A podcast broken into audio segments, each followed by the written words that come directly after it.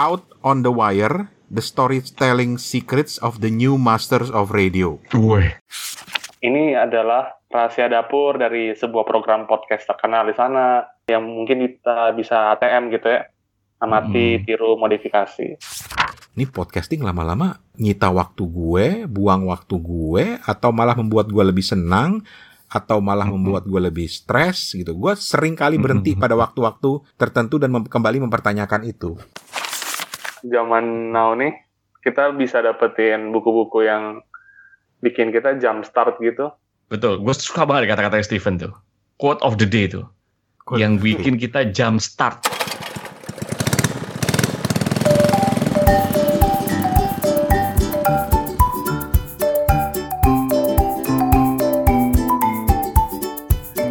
Oke teman-teman, kita ketemu lagi di Kepo Buku dan kali ini eh, gue akan berbagi buku yang gue temukan. Ada dua buku nih, Toven. Apaan ya, tuh? boleh, Iya. boleh, boleh. Penulisnya sama. Tujuh juga boleh.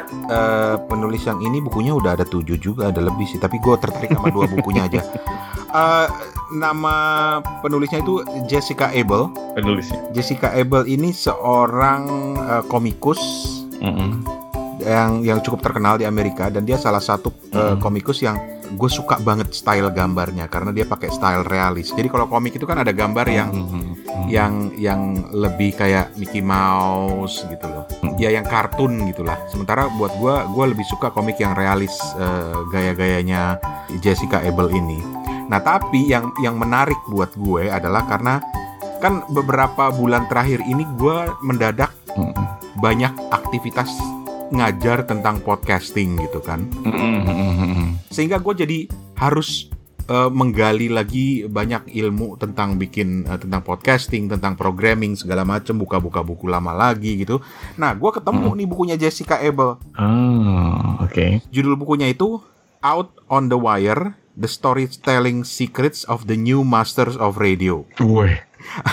Out on the Wire The Storytelling Secrets of the New Masters of Radio. Mm-mm. Nah, kebiasaan gue kalau nemu buku di Kindle itu adalah gue download sampelnya dulu. Baru gue buka beberapa halaman langsung gue beli. Karena Karena itu ternyata komik cuy. non fiksi tapi formatnya komik, gitu ya. Komik. Non fiksi tapi formatnya komik. Tapi formatnya komik. Ah, oke. Nah, yang yang yang langsung menarik perhatian gue adalah karena di Hmm. buku itu kata pengantarnya oleh Ira Glass. siapa dia? Ira Glass ini bisa dibilang salah seorang eh, podcaster modern di di Amerika yang terkenal dengan berbagai macam acara-acara podcastnya walaupun dia juga seorang penyiar radio ya.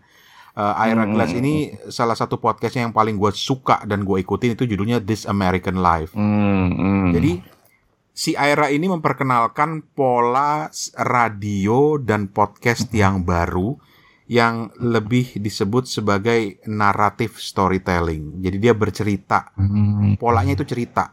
Karena kalau kalau orang ngomong podcast itu kan oh ini monolog gitu kan ya atau oh dialog atau wawancara atau Mhm. ngobrol-ngobrol Mhm. gitu kan ya. Sem- Hmm, hmm, sementara hmm. Ira Glass ini dia polanya itu seperti itu seperti feature. Oke, oke. Dia dia bercerita secara naratif, ada narasumbernya tapi itu semuanya digabungkan menjadi satu bentuk cerita, bentuk narasi Oke. gitu. Nah, Oke. pola ini disebut sebagai narrative storytelling. Narrative storytelling. Intinya begitu. Yang menarik adalah karena si Mbak Jessica Abel ini tertarik untuk menggali pengalaman dan cerita-cerita dari orang-orang radio yang disebut orang-orang radio modern yang bergerak di Mhm. bidang uh, storytelling gitu dan menjadikannya sebuah buku how to gitu, buku tentang bagaimana sih lu menciptakan uh, program radio yang sifatnya storytelling. Hmm, hmm, hmm. Dan bonusnya adalah Hmm. karena dia mengemasnya dalam bentuk komik. Itu yang gue suka gitu loh. Hmm, karena lu into komik ya. Itu dua hal yang selalu menarik perhatian gue. Eh, yang pertama Mhm. itu audio atau podcast, yang kedua itu komik. Walaupun gue agak-agak sakit hati sih membaca ini komik ini gitu loh, karena eh, ah, Apa? ini nanti ada hubungannya dengan buku Jessica Abel yang kedua. Hmm. Jadi gue itu kan udah lama punya punya draft buku eh, tentang podcasting gitu ya. Hmm, hmm, hmm. yang kemudian gue rombak karena banyak berubah dan itu sempat kepikiran gue mau bikin dalam bentuk komik Hmm, hmm. Itu salah satu obsesi gue yang lain selain Hmm. daripada podcasting. Dan itu udah jadi sebetulnya satu bab. Hmm. Tapi gue nggak sanggup lanjutin karena lu bayangin komik itu kan lu bikin panel satu panel, lu harus banyak bercerita. Dan itulah yang dilakukan oleh si Jessica Abel ini. Gue bukan menyamakan diri dengan eh, diri gue dengan Jessica Abel, tapi gue justru ngiri sama si Jessica Abel karena dia bisa membuatnya. Sampai ke masalah intro ya apa ya pengantarnya aja dia buat dalam bentuk komik. Sampai bagaimana dia bisa tertarik membuat sebuah buku tentang radio naratif storytelling itu ada pengantarnya bagaimana dulu dia itu suka sekali mendengarkan radio, suka sekali mendengarkan podcast sehingga kemudian eh, nasib membawa dia ketemu dengan Ira Glass. Ira Glass kemudian mengajak dia untuk bikin komik tentang This American Life. Kemudian akhirnya ya dari situ dia bersambung. Dia dia bikin bikin banyak cerita tentang komik. Nah, yang menarik adalah karena si Mbak Jessica ini Mm-mm. mengaitkan antara podcasting dan radio atau audio lah ya Hmm. dengan visual. Karena dia bilang itu sama-sama bentuknya visual. Lu me- membuat sebuah karya feature radio itu kan sebenarnya melibatkan unsur visual dan itu buat dia logikanya sama dengan seorang eh, komikus kayak dia. Hmm. Makanya gue suka banget karena di komik ini gila keren banget. Pokoknya dia cerita prosesnya. Misalnya ya, gue bikin bab-babnya aja karena gue lebih tertarik untuk bahas buku yang keduanya sih. Tapi kalau lu suka radio, suka podcasting, lu harus ini. Jadi misalnya dia dia bahas misalnya tentang bagaimana eh, mencari ide, terus bagaimana kemudian eh, membentuk karakter dan suara lo, membentuk eh, struktur cerita, bagaimana lo memanfaatkan unsur suara, bagaimana lo mengedit. Mm-mm. Itu semua dia lakukan dengan wawancara dengan para eh, podcaster-podcaster terkenal yang dulu memang tidak bisa dilepaskan dari dunia radio di Amerika. Jadi kayak Ira Glass atau orang-orang yang ada di balik podcast terkenal kayak Radio Lab, The Mod dan lain sebagainya gitu. Terus kemudian dituangkan dalam bentuk komik Hmm. dan eh, yang menarik perhatian gua misalnya sampai ke bagaimana cara lu ngedit suara gitu itu kan jadi enak menjelaskannya dengan komik karena dia langsung gambar komiknya nih panelnya cara ngeditnya begini bagian ini Hmm. harus dibuang seperti apa dan itu semua dibentuk dalam bentuk eh, cerita Hmm, hmm, hmm, hmm. gitu jadi hah gue menemukan harta karun yang luar biasa menariknya dan buat gua yang orangnya sangat sangat sangat visual yang kadang-kadang eh, otaknya perlu di perlu kalau mengutip eh, episode lu itu kan perlu di diffuse setiap saat gitu. Mm-mm. karena gua nggak bisa konsentrasi dalam waktu lama. Ini menarik karena dia sajikannya dalam bentuk visual. Harta karun ini buat Toto yang tertarik untuk eh, main di podcasting juga. Lu kan mau bikin podcast juga kan Tok? Wah, gue udah ngerancang bakal punya tiga series podcast. Dan satu yang jadi spesialisasinya si Jessica ini adalah bagaimana caranya mencari ide. Ide Hmm. itu penting itu, penting. Itu itu yang paling mahal di dunia podcast. Dan Betul. dan eh, buat teman-teman yang jadi gini di Indonesia sama di Amerika tuh sama sebetulnya dunia radionya. Orang udah mulai bosen dengan yang namanya nge-DJ, orang eh, eh, musik-musik, eh, siaran, musik ngomong, musik ngomong. Muncul muncullah tren yang namanya talk radio. Talk radio ketika orang tuh Hmm. ngomong melulu kayak radio El Sinta gitu kan ya Oh gitu ya? ada Hmm. beritanya, terus eh, ada ada wawancaranya, ada feature-nya gitu kan ya. Lama-lama bosen lagi orang dengan pola itu sehingga muncullah sebuah pola yang disebut sebagai narrative storytelling. Jadi dia benar-benar sebe- seperti sebuah feature yang dikemas dengan bagus banget sehingga setiap detik itu berharga banget buat para pendengar dan itu memang udah diperhitungkan dengan bagus. Gitu. Sekarang orang udah bosen dengan pola itu, lari lagi sekarang ke drama radio. Lari Oh balik ke- lagi ke dalam Iya, radio. drama radio, lari lagi ke investigasi. Tapi ujung-ujungnya apa? Hmm. Polanya itu sebenarnya adalah narrative storytelling.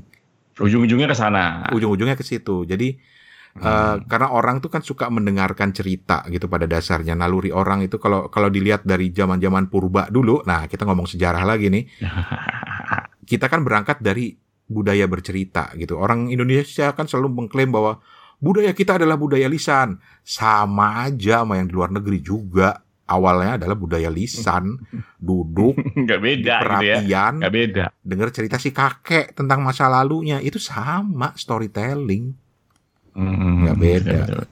Jadi begitu, itu buku buku yang pertama. Sekali lagi judulnya, bentar, kelok lagi iPad. Oke, Out on the Wire: The Storytelling Secrets of the New Masters of Radio, karya Jessica Abel dengan kata pengantar oleh Ira Glass.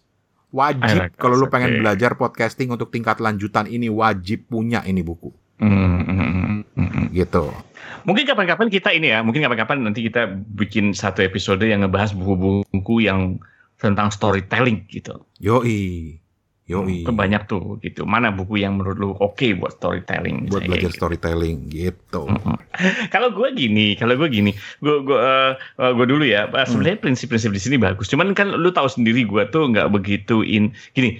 Makanya tadi gue ketika lo membahas ini gue menekankan bahwa ini buku adalah non fiksi tapi diberikan dalam bentuk eh, Komik. komik gitu.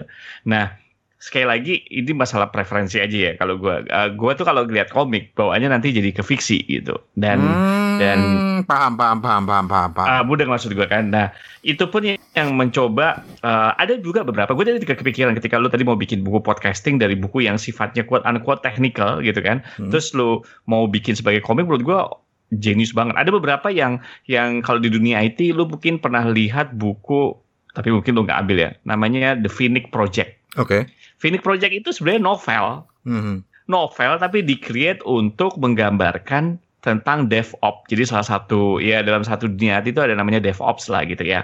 Mungkin yang ngerti IT gitu ya. Nah itu dalam bentuk eh, novel gitu dan gue coba baca dan gue kagak mudeng malah. kan jadi jadi jadi bentuk cerita dari bentuk cerita dan mungkin kalau itu jadi agak bentuk fiksi tapi fik, sa- sama lah kayak dulu dunia Sofi lu itu dunia Sofi apa sih dunia Sofi itu kan sebenarnya eh, ngomongin tentang filosofi filsafat kan gitu kan Mhm, mhm, tapi mhm. alih-alih meng- menggunakan buku tentang alih-alih menggunakan eh, format technical, quote unquote ya, atau format textbook gitu ya, dia menggunakan format cerita. Nah itu juga malah sulit gitu menangkapnya. Tapi mungkin sekali lagi itu preferensi gua ya, masalah gua mungkin agak kesulitan membaca fiksi mungkin kalau gua gitu. Hmm. Betul. Walaupun kalau gue lihat nih, nah ini gue udah lihat bukunya di Kindle gitu kan ya. Oh, sebenarnya menarik sih, menarik. Tapi ya kalau buat gue, jadi gue agak kalau gue sendiri pribadi ya, gue jadi kerja dua kali untuk menyarikan men- me- menyarikan ini gitu. Maksudnya kerja dua kali. Jadi gini, ketika lu, uh, ini kan ada bab yang mana nih? Di gue lagi lihat Kindle aja. uh, how to make radio that's good gitu. Oh bagus banget gambarnya gitu. Ada orang kayak masuk ini terus ada where do stories come from. Uh, nah dia dulu yang jelasin kan uh, uh, ya, ngomongin tentang internshipnya di sini. Gue belum baca penuh ya karena gue baru dapat juga gitu. Terus Hmm. uh, sebenarnya bagus gitu. Tapi kalau buat gue jadi harus gue menyarikan dari gambar-gambar ini dari dari box-box bubble-bubble percakapan ini menjadi sesuatu yang bisa gue convert. Oh ternyata storytelling tuh begini gitu. Mudah nggak maksud gue? I see. Nah kalau Oke. gue jadi, ah, jadi gue kerja dua kali keras ah, daripada lu bentuk eh, eh, daripada lu kasih gue buku tentang storytelling yang sifatnya quote unquote textbook atau te- Hmm, sifatnya hmm. technical gitu. Kalau gue, kalau gue gitu. Oke. Tapi mungkin gue harus baca pelan-pelan lagi gitu. Dan dan dan satu hal sih sebenarnya yang yang lu harus struggle juga ketika membaca ini adalah karena ini eh, memang buat eh, audiens di Amerika dalam artian Mm-mm. audiens eh, program-program radio yang disebutkan di sini misalnya This American Life, The Moth, Radio Lab itu kan semua podcast-podcast terkenal di Amerika yang juga berangkat dari acara radio. Jadi lu harus tahu itu dulu baru lu bisa appreciate ini. Tetapi kalau lu bisa mengesampingkan itu kemudian membaca karena dia juga dalam bentuk cerita lu mendapatkan banyak hal juga gitu loh. Contoh-contoh bagaimana mereka membuat skrip itu dibuat semuanya dalam bentuk komik gitu. Oke. Gitu. Bapak Steven tertarik dengan podcasting lebih lanjut? Karena Steven kan pernah bikin podcast, gue tahu. Oh iya. ah. satu dua episode. Terus Tapi ini Jadi tuh udah ngumpulin tugas belum, Van? Kemarin. tugas saya ini cyber kreasi. si berkreasi. Mm-mm. Tapi menurut aku eh, kalau anggapan Mas Toto seperti demikian ya kita eh, boleh boleh saja untuk eh, mencari alternatif lain gitu ya. Tapi kalau misalnya Betul, betul. aku lihat aku lihat dari eh, deskripsi bukunya tuh memang yang pertama tuh kita harus apa ya harus into the podcast dulu gitu ya mungkin ya Mm, karena iya. kita akan akan lebih lebih kepincut gitu ya karena ini adalah rahasia dapur dari sebuah program podcast terkenal di sana yang Hmm. mungkin bisa mendapatkan apa ya kita dapatin uh, resep-resep dapur mereka yang mungkin kita bisa ATM gitu ya amati Hmm. tiru modifikasi Betul.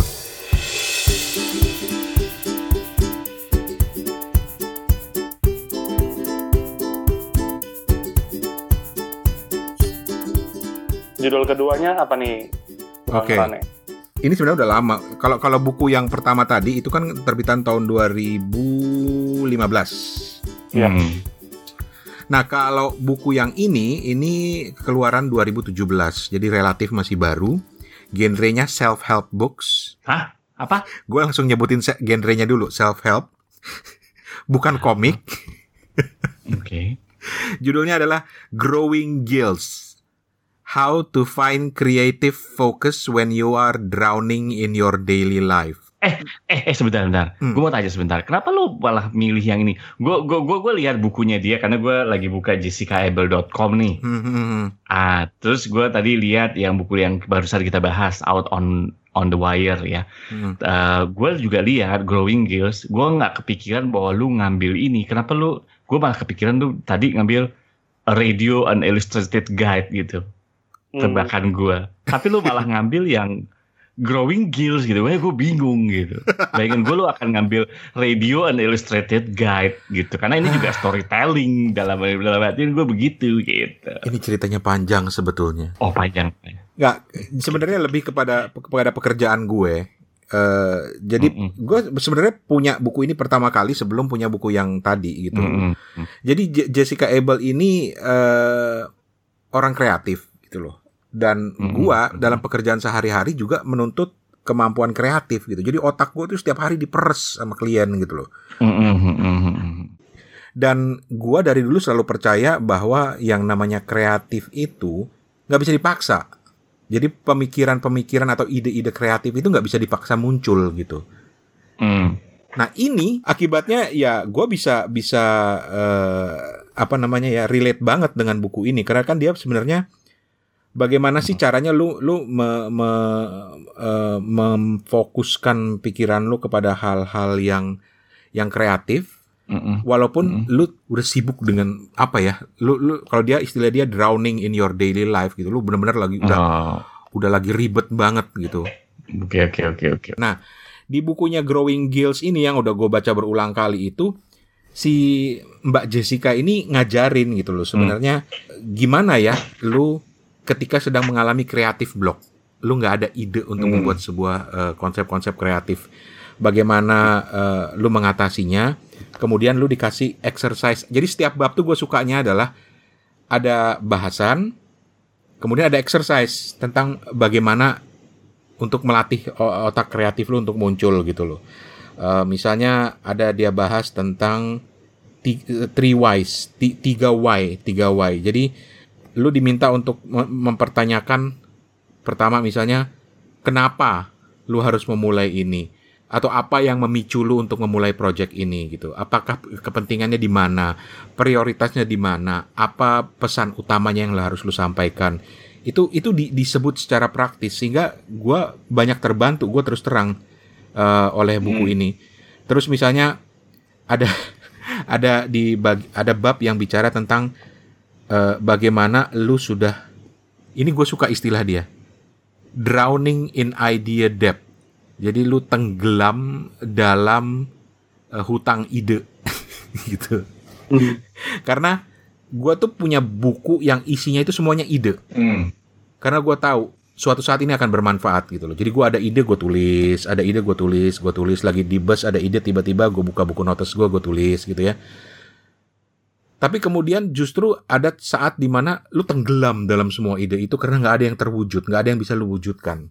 Akibatnya lu lebih jago bikin ide ketimbang mewujudkan ide tersebut. Mm-mm. Jadi jadi di buku ini lu dilatih untuk bagaimana mem- membuat inventarisasi semua hutang-hutang ide lu itu Eh, hutang-hutang gitu loh. dan bagaimana lu berusaha untuk mewujudkannya satu demi satu demi satu gitu Mm-mm. gitu jadi jadi gue suka karena ini bener-bener eh, eh, praktis gitu loh misalnya bahkan ada ada bagian yang paling gue suka itu ketika dia bicara soal dia bilangnya uh, time pri pricing. Jadi bagaimana lu menghargai waktu lu sendiri. Jadi contohnya misalnya uh, di situ dia bilang lu harus memberikan uh, uh, harga pada waktu lu. Mm -hmm. Dan itu nggak mesti nggak nggak mesti duit gitu loh, nggak mesti duit. Jadi misalnya berapa sih waktu yang lu kalau dalam istilah kata-kata dia ya, berapa sih waktu hmm. yang lu donasikan? Didonasikan, oke. Okay. Untuk lu, lu donasikan untuk menghabiskan waktu lu berantem dengan atau berdebat dengan seseorang di tempat kerja lu. Apalagi di bidang kreatif kita sering banget berdebat kan. Atau lu bahagia nggak sih? Atau lu senang nggak sih dengan waktu lu yang terbuang untuk mengerjakan karya yang sebetulnya bukan uh, bagian dari pekerjaan lo. Mungkin itu bagian dari project pribadi lo misalnya. Ya, misalnya podcasting gitu, misalnya kayak gitu. gitu kan?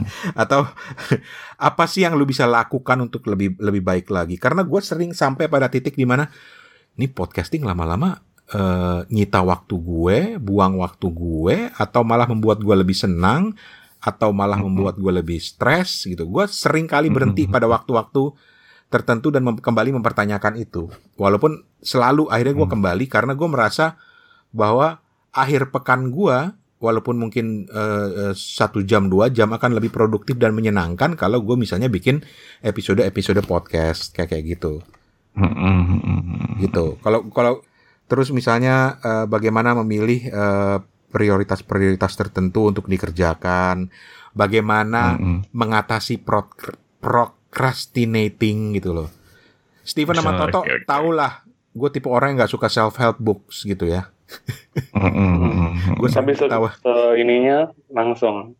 Nah, kalau kalau ini memang self help, tapi ini ditulis oleh orang yang benar-benar terlibat di industri kreatif. Orang-orang orang yang hmm, si Jessica ini benar-benar terkenal dengan karya-karya kreatifnya, bukan hanya komik-komiknya gitu. Dia juga bahkan uh, salah satu bukunya itu uh, ya ini buku yang tadi tentang radio itu itu bahkan dia wujudkan dalam bentuk podcast gitu misalnya dalam beberapa episode podcast untuk menceritakan atau mempromosikan buku-buku itu. Jadi mm -hmm.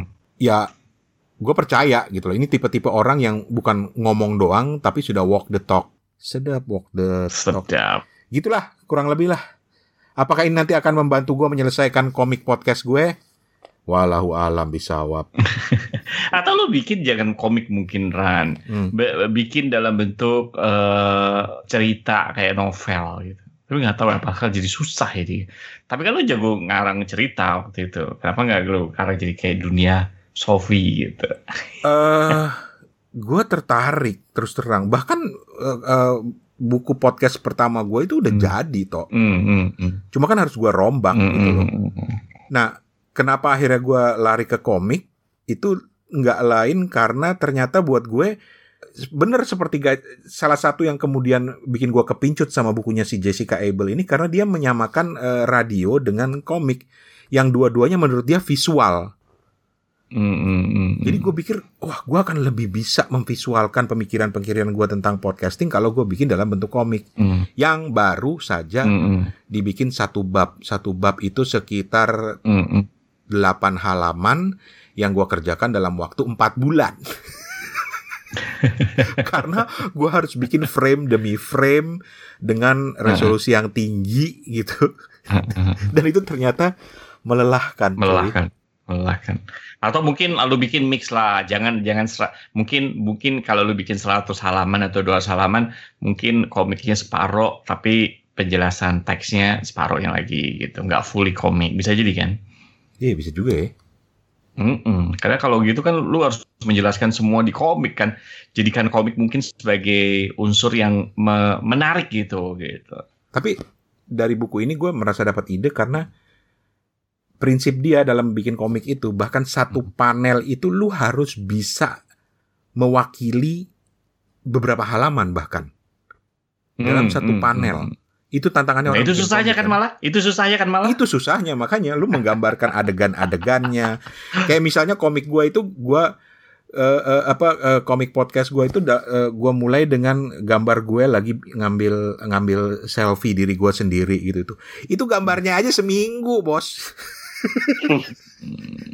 oh, gua tahu, men. Oh, gua tahu, men. Apa tuh? Ya, mungkin yang mungkin lu bisa bikin komik tapi mungkin sekarang udah nggak dipakai lagi men Apa tuh? dulu zaman zamannya kita SD SMP tuh pernah ada tuh dulu kayak gitu komik bentuknya panel tapi foto Foto. Oh, oke.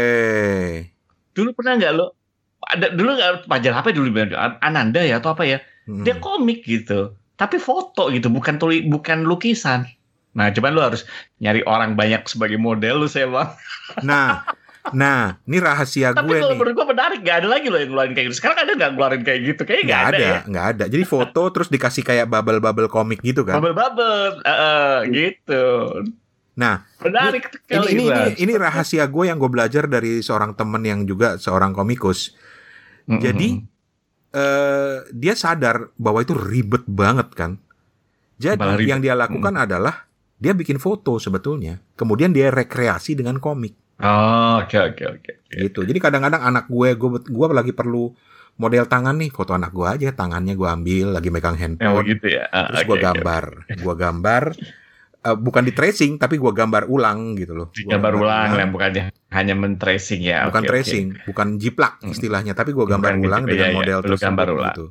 Karena kan tantangannya orang komik itu lebih kepada eh, te- apa namanya kemampuan lu untuk menggambar. Hmm. Gitu. Jadi tantangannya adalah lu gambar dan lu masukin ceritanya. Ah ribet deh. Tapi gue bersyukur banget, di- paling tidak di bidang pekerjaan gue, gue bersyukur banget dengan bukunya Mbak Jessica ini. Dan gue pikir ini akan bermanfaat buat bidang lain, bukan hanya untuk uh, Hmm. bidang kreatif. Karena bagaimanapun pekerjaan apa pun, gue yakin termasuk elu toh uh, bidang IT Butuh atau Steven kreativitas. yang yang lebih kepada uh, bisnis gitu, itu kan juga membutuhkan kreatif kan, Mm, mm, mm, mm. membutuhkan membutuhkan daya kreatif, daya berpikir kreatif gitu. Mm-mm, betul betul betul. Jadi sebenarnya buku-buku eh, kalau yang buku yang ini mungkin judulnya kita kita omongin lagi ya. Judulnya adalah Growing Gills: How to Find Creative uh, Focus When You Are Drowning in Your Daily Life ya. Yup. Nah bedanya dengan yang bukunya yang tadi yang yang tadi judulnya apa? Yang satunya lagi yang tadi lo bilang eh, apa tadi judulnya? Kok gue jadi lupa. Eh, Out on the Wire: The Storytelling Secret of the New Master of Radio Mm-mm. uh, sama-sama by Jessica Abel. Cuman yang yang Out on the Wire ini uh, uh, The Storytelling Secret of the New Master of Radio ini dalam bentuk komik, sementara yang Growing Gills How to Find Creative Focus When You Are Drowning in Your Daily Life ini bukan komik ya. Iya. Ini uh, ya ada ilust- ada ilustrasinya, ada fotonya. Gue lihat sini kalau dari contoh. Kindle-nya. Tapi bukan komik ya ini gitu. betul. Eh, men, bentar. Kalau gue lihat di di websitenya dia, kok ada workbooks-nya, men? Iya makanya karena dia punya bisa di download jadi, ya. jadi Hmm. jadi buku ini, Hmm. buku Hmm. yang tentang uh, kreatif ini itu bahkan Hmm. ada komunitasnya toh. Oh, oke oke oke. Komunitasnya ada uh, buku prakteknya istilahnya. Gua gua belum sampai ke situ karena buat gua Hmm. ini ada beberapa buku yang akhirnya menjadi panduan gue gitu loh untuk untuk Hmm, uh, hmm, hmm. dalam pekerjaan terutama. Uh, Hmm, Gua belum belum belum explore uh, tentang workbooknya. Tapi Hmm, kembali hmm. ke bukunya misalnya uh, ini ini gue suka banget nih Mm-mm. yang benar-benar menyelamatkan nyawa gue dalam pekerjaan gue sehari-hari adalah eh, bab yang bicara tentang bagaimana caranya lu bisa menyelesaikan sebuah proyek gede banget Mm-mm. yang yang mengerikan. Dia bilangnya da- eh, giant scary project gitu ya, yang gedenya minta ampun, tapi lu memecahnya dalam eh, tahapan-tahapan kecil. Jadi ada target-target kecil yang bisa Hmm. lu capai. Mm. Jadi misalnya eh, eh, proyek gede itu lu bagi menjadi 10 tahapan. Nah, Sih. Lu berusaha untuk menggapai target pertama aja, tahap pertama aja udah berhasil, itu aja udah menjadi penyemangat. Ketimbang lu berpikir dalam konteks yang lebih besar gitu loh. Nah, di pekerjaan gua itu Oke. itu bermanfaat karena misalnya eh, s- gua harus membuat sebuah konsep eh, launching mobil gitu. Mm-mm. Itu kan gede banget Iya iya. dengan dengan dengan ribuan eh, dolar gitu biayanya dan itu udah nakutin duluan tapi ketika gua pecah-pecah menjadi ini dulu nih tahapan pertama ini tahapan berikutnya tahapan berikutnya itu gue ketolong banget dengan bukunya si Mbak Jessica Abel ini Mbak Jessica ini. Oke. gitu dan oke. em, ya itu yang paling menyindir gua adalah ketika eh, dia membahas soal prokrastinasi kebiasaan menunda-nunda gitu Ah, itu semua dari kita selalu begitu. Yo, anxiety is energy without a path. Elah. Gitulah. Dua bukunya. Mudah-mudahan ini bisa menjadi rujukan. Bermanfaat. Bermanfaat. Jadi udah dibaca dari awal tahun ya berarti ya Bang Ran. Oh, kalau yang Growing Guilds gue udah hatam. udah berulang-ulang. Oh. Karena gue ada pada titik di mana gue udah mulai frustrasi, tapi juga merasa tertantang Hmm. dengan pekerjaan gue gitu loh.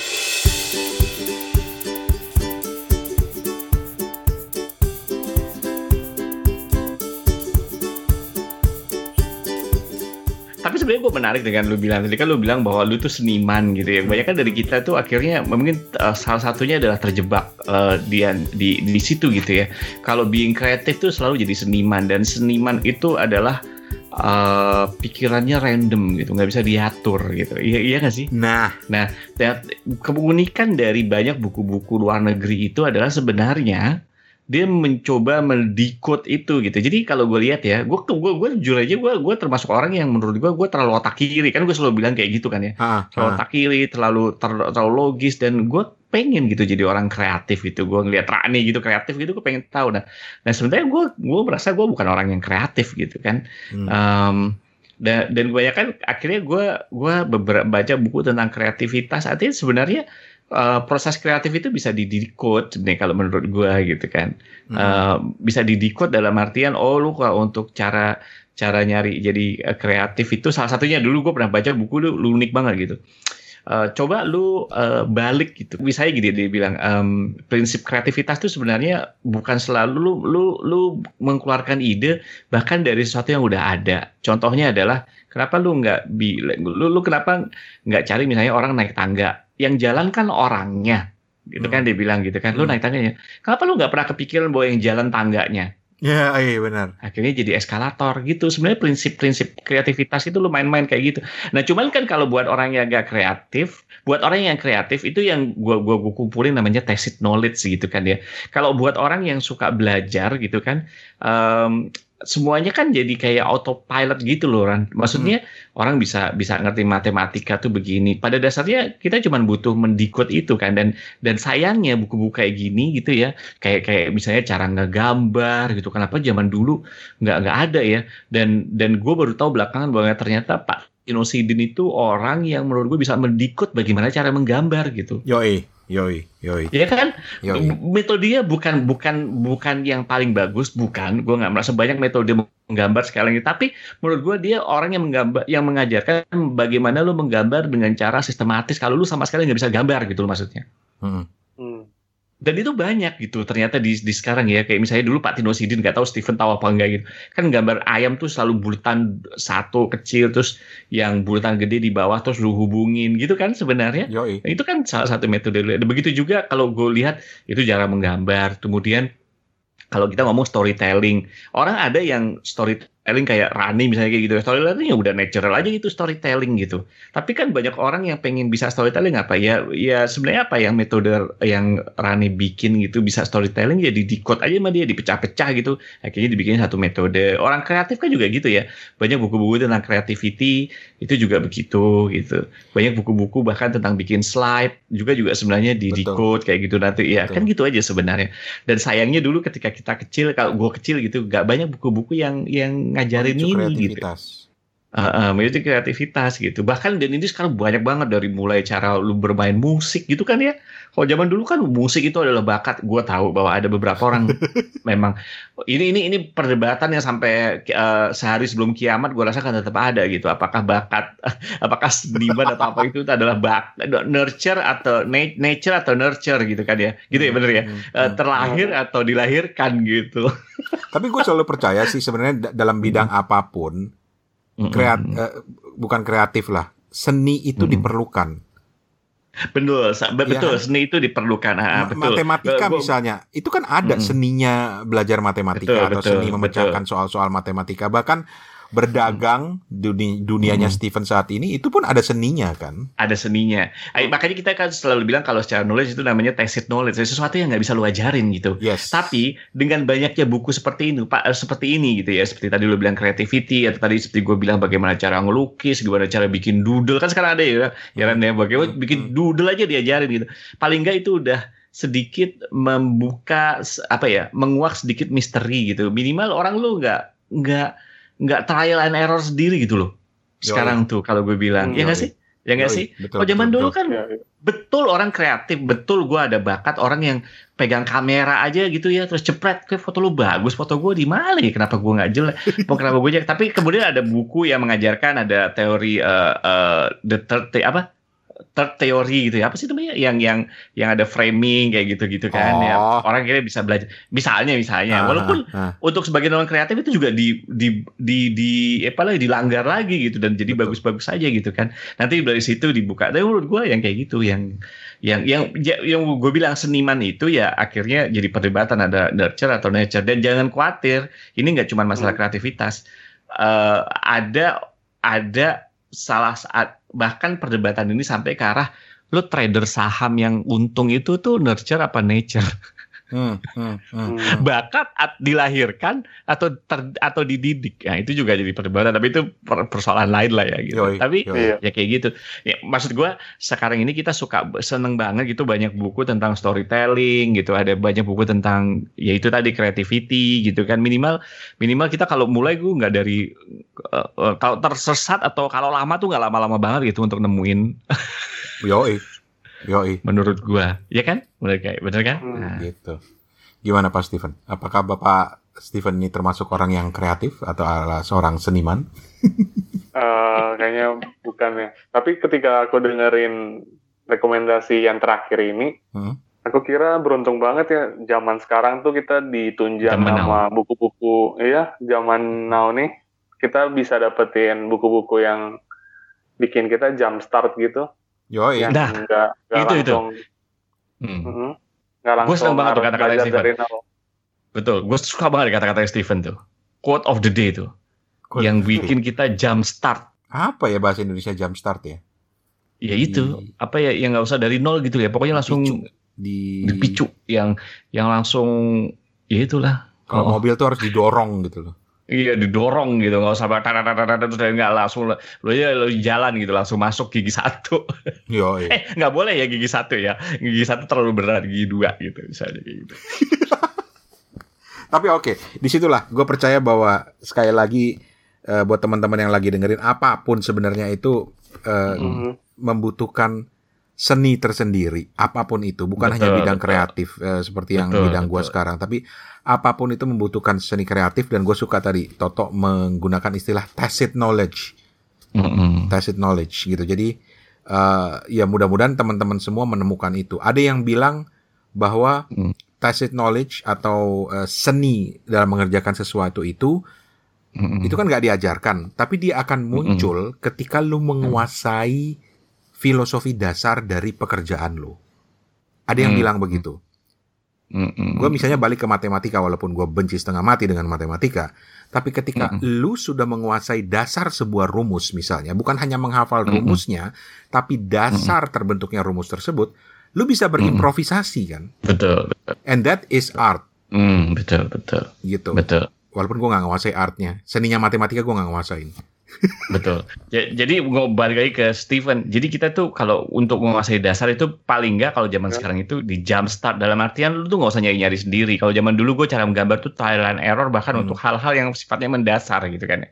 Gimana Hmm. cara shading, gimana gitu. Sekarang udah ada. Jadi udah lu prinsipnya udah tahu. Nah, ke depannya tergantung lu lah apakah akan lu terus mengeksplor, apakah lu berani main. Nah, itu prinsip dalam tanda kutip sebelum sebagai seorang seniman yang akhirnya harus mengeksplor sendiri gitu. Tapi paling nggak lu nggak dari da- nggak dari awal gitu kan ya Fed ya gitu. Ah iya iya iya. iya. Tapi sebenarnya Steven kreatif ah. Posting-posting Instagramnya belakangan ini buat gue kreatif banget. Cakep. Cara dia menyusun kalimatnya, menyusun gambar-gambar itu kreatif buat gue.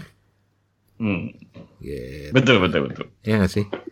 So Steven Iya, sudah menguasai the art of communication. Halah. Ayah. Ya wes lah, terima kasih banyak kalau begitu dan mudah-mudahan buku ini eh, berguna, Bermanfaat. bermanfaat buat teman-teman terutama yang mau mendalami dunia podcasting dan eh, paling nggak bermanfaat buat gua untuk gue terus serang ketika gue menemukan gue nggak pernah tahu Jessica Abel ini pernah nulis buku ini gitu loh karena gue nggak pernah googling soal soal dia secara lebih mendalam dan ini benar-benar menggoda gue untuk kembali menengok eh, draft eh, komik podcast gue Apakah nanti diinin per tiga bulan mungkin? Dinaikin di karya karsa dulu gitu. Lihat atau antusiasme dari pembaca. ide yang bagus kayaknya Fen. Hmm, per halaman naikin ke karya karsa. Bisa ya ke karya karsa? Bisa per chapter lah per chapter. Bisa. Ah. lu pernah kena pernah dengar nama Isman Suryaman nggak Iya iya iya. komika stand up komi, komika dia nulis buku dia nulis novel di karya karsa Mm-mm. dan gilanya itu buat gue gila gue bilangnya gitu ya karena emang dia dasar stand up comedian gitu jadi dia kreatifnya itu luar biasa ya bab genap bayar bab ganjil gratis terus dia bilang lah jadi yang bab ganjil eh, gunanya buat apa bos? Bilang, ya nggak apa-apa. Lu bayar bab eh, apa bab eh sorry bab bab genapnya gratis bab ganjilnya bayar. Hmm. jadi ketika lu bab baca bab genapnya terus lu eh, nggak sanggup atau nggak mau bayar buat yang bab ganjilnya lu bayangin aja sendiri gitu Pakai imajinasi. pakai imajinasi lu imajinasi. sendiri untuk nyambung ke bab genap berikutnya nggak masalah gitu ya. Menarik juga. Tapi ngomong-ngomong karya karsa, jangan lupa ya kalau lo eh, teman-teman di sini mau ikutan sharing, eh, nyeleng, ikut ma- masukin celengan kita silahkan lo. Dan gue sering banget Betul, eh, betul. gunakan kepo buku dan celengan kepo buku ini sebagai contoh di workshop workshop podcast kita. Hmm. Gitu. Betul, betul, betul, betul. Alright, terima kasih banyak kawan-kawan. Terima kasih banyak untuk sharing-sharing bukunya. Iya betul-betul ini ya keren. Sampai Steven tak sanggup berkata-kata. Oke, kita ketemu di lain kesempatan. Thank Steven you. besok harus buka toko lagi soalnya. Buka toko lagi. Eh, Dia bu- Iya. bu- Steven itu tokonya nggak pernah tutup. sebab Nggak pernah tutup kan Evan ya? Maksud gua, maksud gua nggak pernah ada libur ya kan, Evan? Iya so far gitu. Eh, serius. Kali minggu ya. Minggu buka juga, Van? Ya Oh, minggu lu, eh, lu minggu lu tutup. Gua kira minggu lu buka juga. enggak. Alah, Kirain tinggal ke depan, tinggal kirain tinggal ke depan tinggal tinggal buka rolling door-nya doang. Gambling. Oke lah. Oke, thank you Ran, thank you Steven. Thank you. Bye bye.